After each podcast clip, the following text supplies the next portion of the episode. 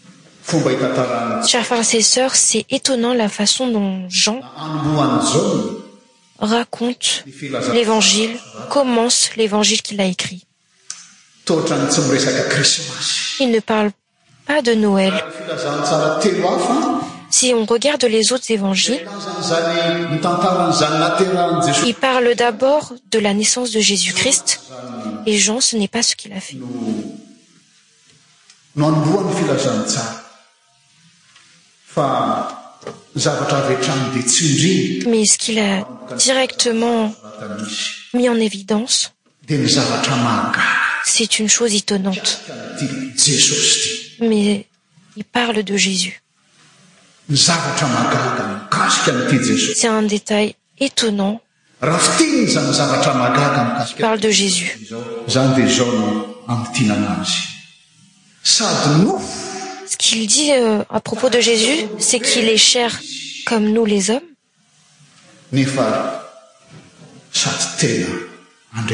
ilest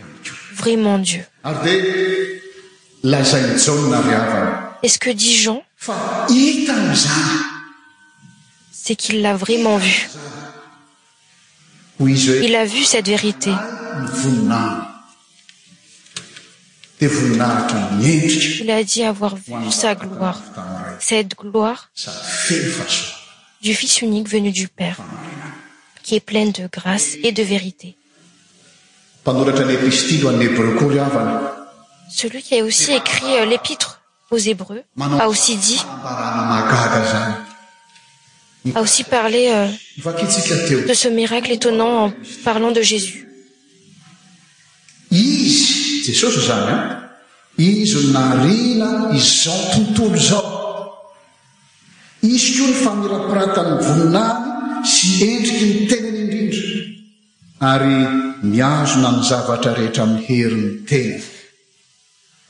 dieu dans ces derniers temps nous a parlés par le fils qu'il a établi héritier de toutes choses par lequel il a aussi créé le monde et qui en étant le reflet de sa gloire et l'emprente de sa personne est soutenant toutes choses par sa parole puissante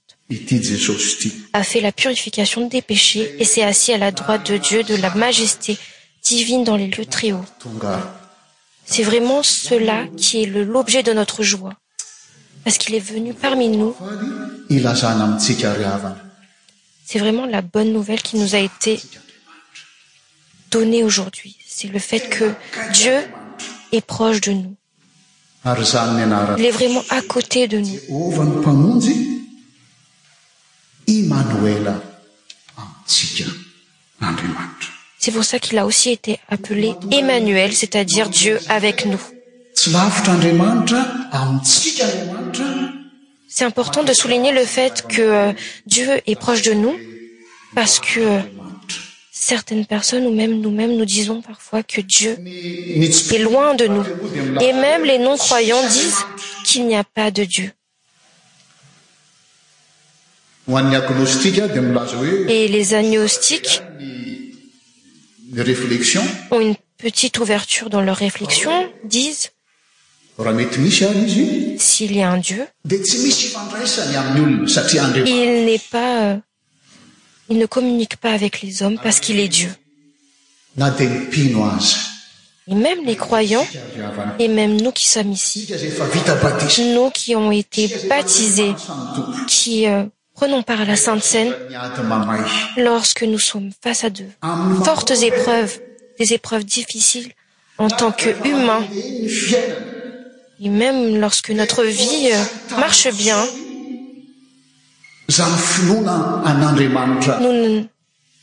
ne montrons plus notre foi à travers notre vie si euh, les croyants sont face à des épreves parfois nous sommes pris par la tentation et nous disons que dieu est loin et ne voit pas ce que nous vivons et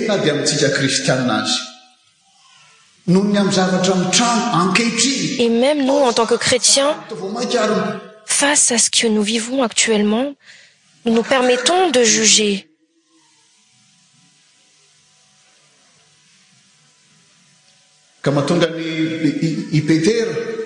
c'est pour cea que pierre a dit dans son épître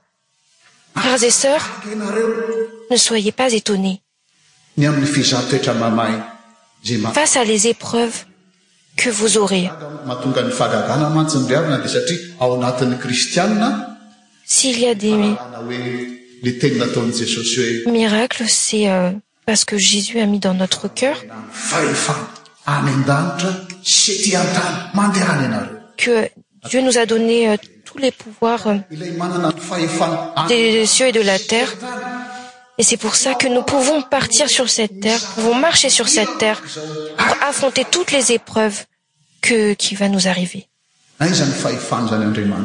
où est la force de ce dieuet pierre dit encore que nous ne devrions pas être étonnés il nous a déjà dit que nous allons euh, vir les plus grandes épreuves sur ce monde mais nous devons croire nous devons espérer il nous a déjà prévenu qu'il y aura des épreuves qu'il y aura des persécutions mais nous devons croire mais c'est dans ce mondee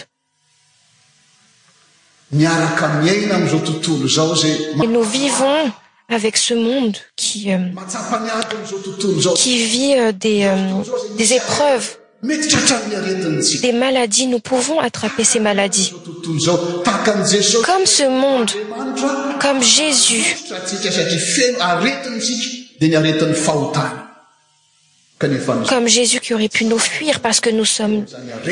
remplis de la maladie du péchémais ce n'est pas ce qu'il a fait il a pris toutes nos fautes il a pris tout ce q si fait de nous des pécheursour ous il la pris tout ça sur luiil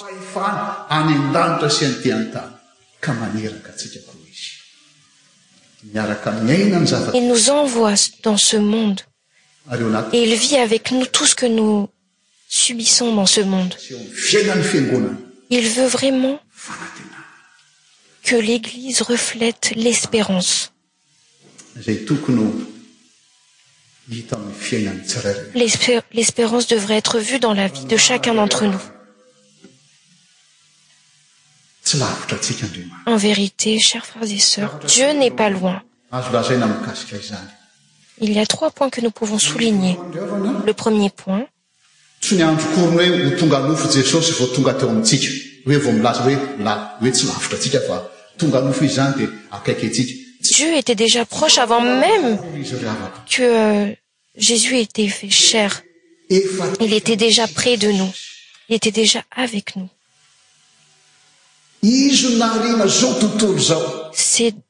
grâce à lui que toute chose a été faite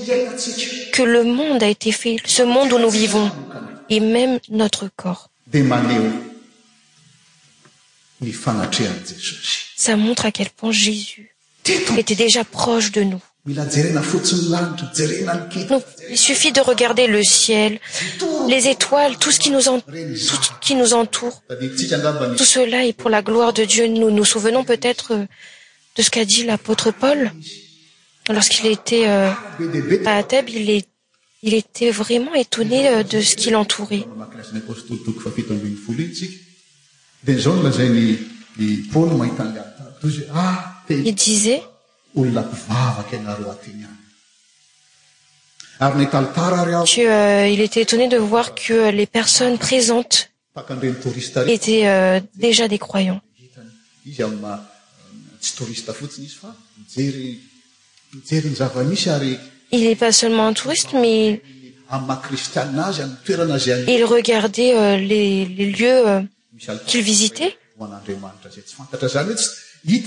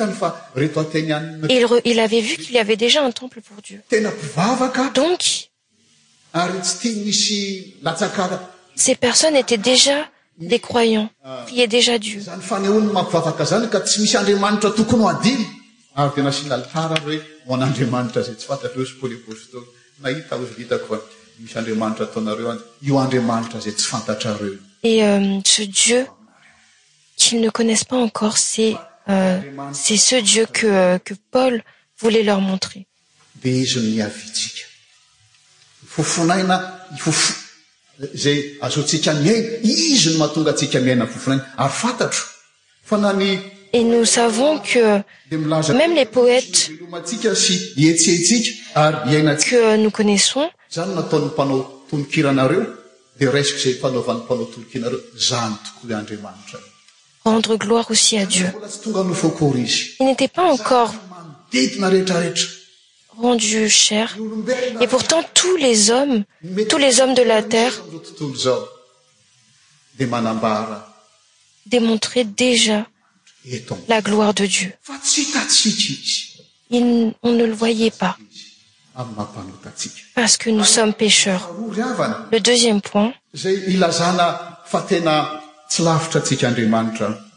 i montre que dieu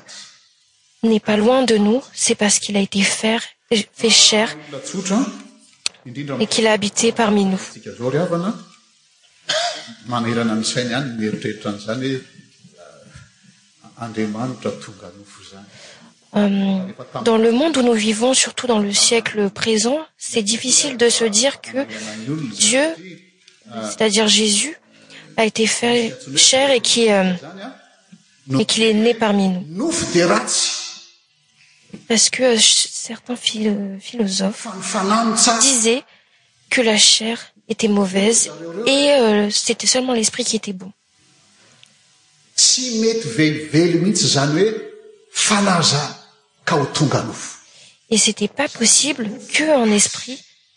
ieec parce que la est auvais à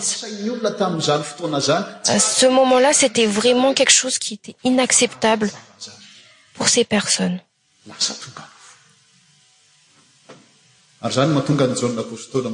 c'est pour ça que ôull'apôtre euh, jean dit encore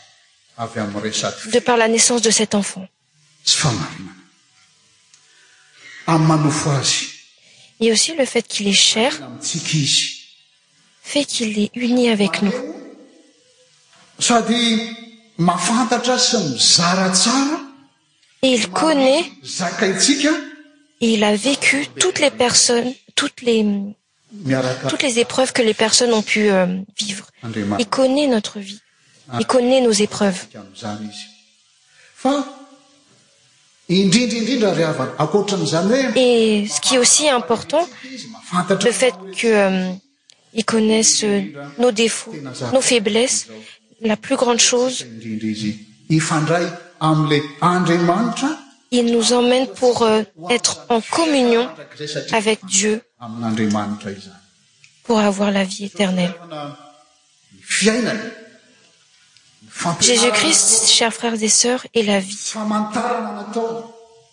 de par tous les enseignements tous les miracles et euh, aussi sa mort et sa résurrection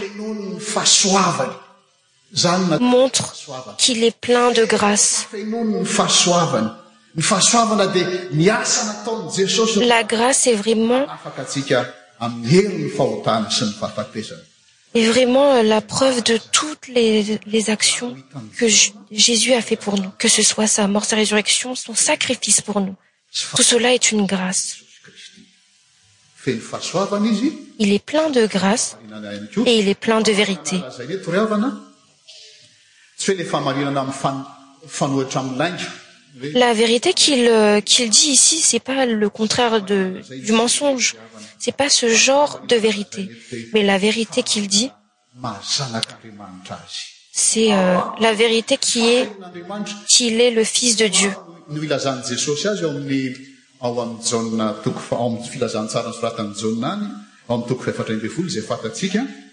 pt v jésus euh, expliqueqil est l chi la vérité et la vie c'est lui qui est la véritécet homme qui a été fait cher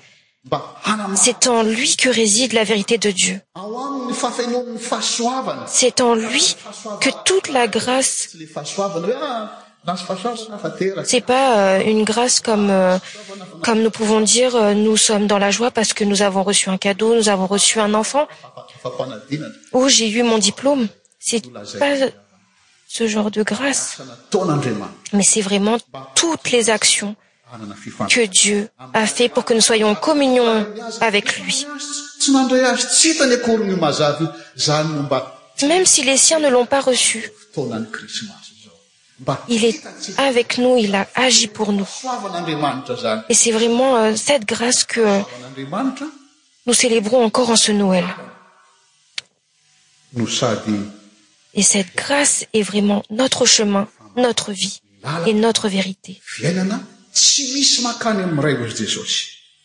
nul n'ira au père si ce n'est par luiet c'est encore cette parole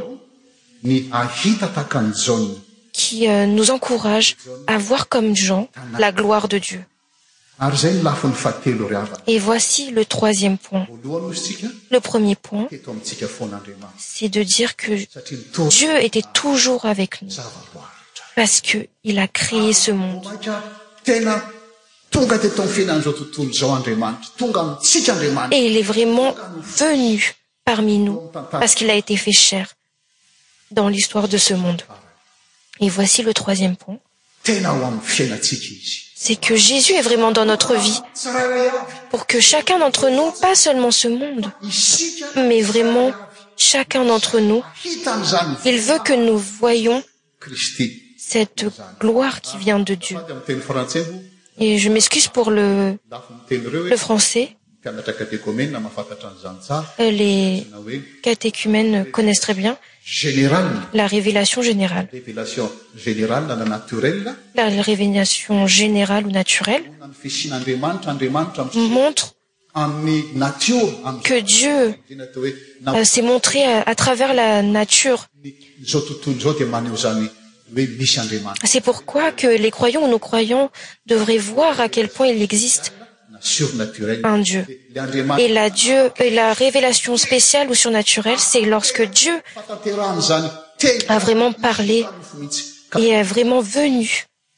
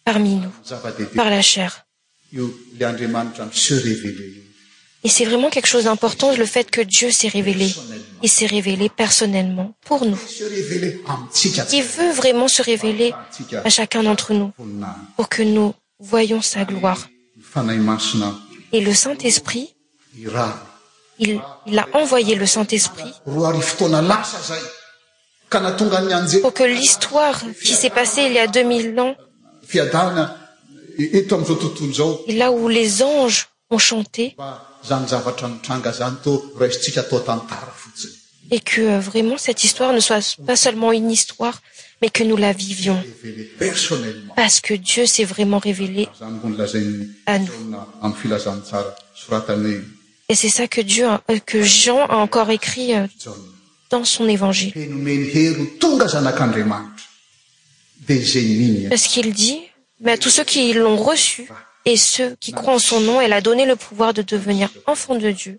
et qu'ells sont nés non du sang ni de la volonté de la chair ni de la volonté de l'homme mais de dieu mais que vraiment dieu rente dans notre vie et que chacun d'entre nous chaque personne toute l'église surtout en ce moment plutôt sombre où les personnes ne voient pas l'espéranceoù il y a aussi des débats même avec le pas sanitaire que les personnes commencent à faire de faux pas sanitaires les gens essaient de faire tous les moyens pour homme euh, pourfaire euh,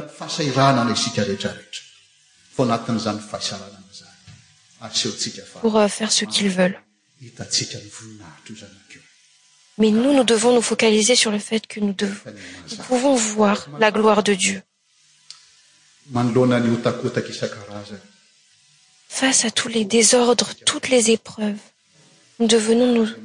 devons nous souvenir parce que notre que notre dieu ah, a créé ce monde et est venu dans ce monde de par jésus-christ et il nous envoie pour être les lumières de ce mondec'est ah, grâce à la fois que nous savons tout çacomme ah, les bergers qui ntqui ont vu euh, crist de leurs propres yeux il arrivera aussi le jour où nous le rencontrerons en vr et en ce moment de noël nous devons nous souvenir de ce momentoouveon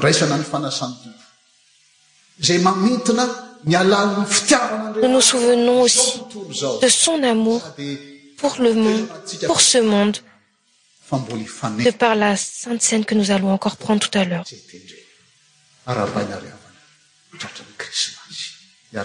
joi une nouell à tous